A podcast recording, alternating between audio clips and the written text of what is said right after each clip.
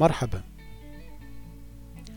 يقول سيغموند فرويد في كتابه مقدمة لعلم النفس من بين مقدمات التحليل النفسي هناك مقدمتان تصدمان جميع الناس وتجلبان له الاستنكار العام.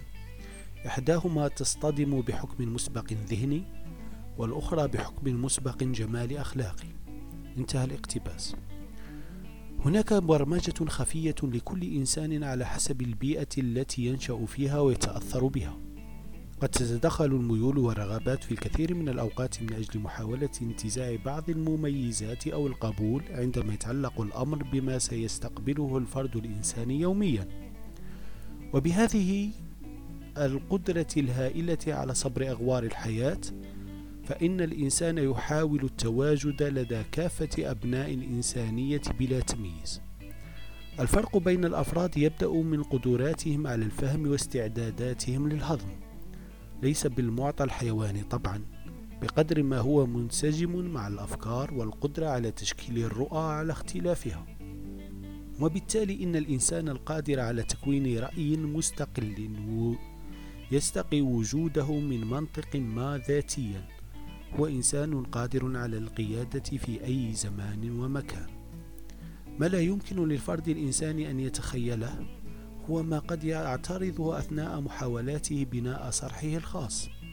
طبعا أنا أشخص في هذه النقطة بالذات حال الفرد الذي يتمتع بقدر رهيب من الاستقلالية وبالتالي سيكتشف هذا الإنسان مدى قدراته التي لم يكن ولا للحظة ظرفية يدرك أهميتها وفعاليتها في هكذا حالات. هذه القدرات غالبا ما تكون قد اكتست طابعا لا شعوريا وهو ما قد يؤسس لبقائها بعيدة عن المدركات الحسية.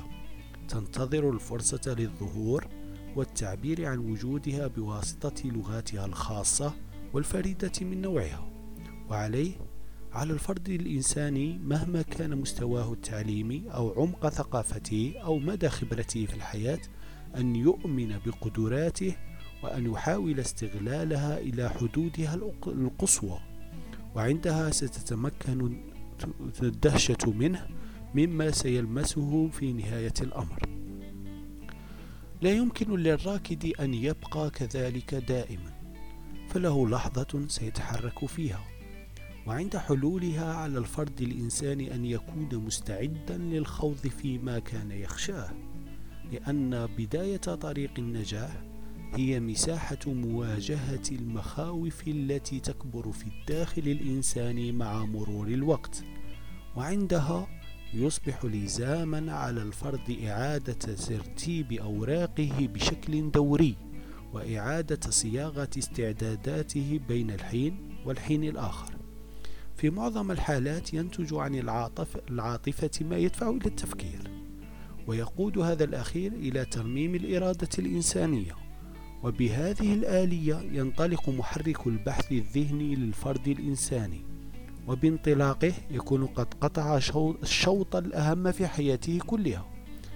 فليس من السهل أن يضع أيا كان ذاته على المسار. وليس من الهين أن يوقد الإنسان نار مجهوده للإبقاء على مدها بحطب الإصرار خطوة بعد خطوة. فلا بد من ذلك المنعرج الذي يشعر فيه الإنسان بالتعب وبالعجز وبالضياع. وهذا مصير كل حي يستخدم عقله. ومع ذلك من الرهيب أن يحمل الفرد الإنساني تلك الطاقة التي تدفعه للتجديد والانبعاث من جديد. وهي ميزة خاصة للقلة من الأحياء. هؤلاء النبلاء الذين يصعدون سلالم المجد وبثيابهم المبللة بالعرق النازف منهم. بسبب المشقة التي يتحملونها من أجل تجسيد جنونهم على الأرض. كن غريبا في محيطك فأنا متأكد بأن أوطان الغربة أوهن بكثير من غرابة الأوطان. احمل ذاتك المنهكة بيمينك واسحب ما تبقى من إصرارك بيسارك لكن الأهم هو أن تكمل سيرك بين الدروب والتلال بين الغابات والجبال متبعا نور إيمانك وهدي طموحاتك وتذكر دائما ما عاناه الأنبياء والأتقياء العلماء والشرفاء وقارن ما تذكره عنهم بما تعانيه. ستجد نفسك في حال أفضل بكثير من أحوالهم وستستمد من آلامهم الأسطورية القوة لإنتاج طاقة جديدة تدفعك نحو أهدافك بشكل غريب. فلا تستسلم أيها الغريب وطوبى للغرباء طوبى للراقين من الأدباء وسلام عليهم أينما ثقفوا.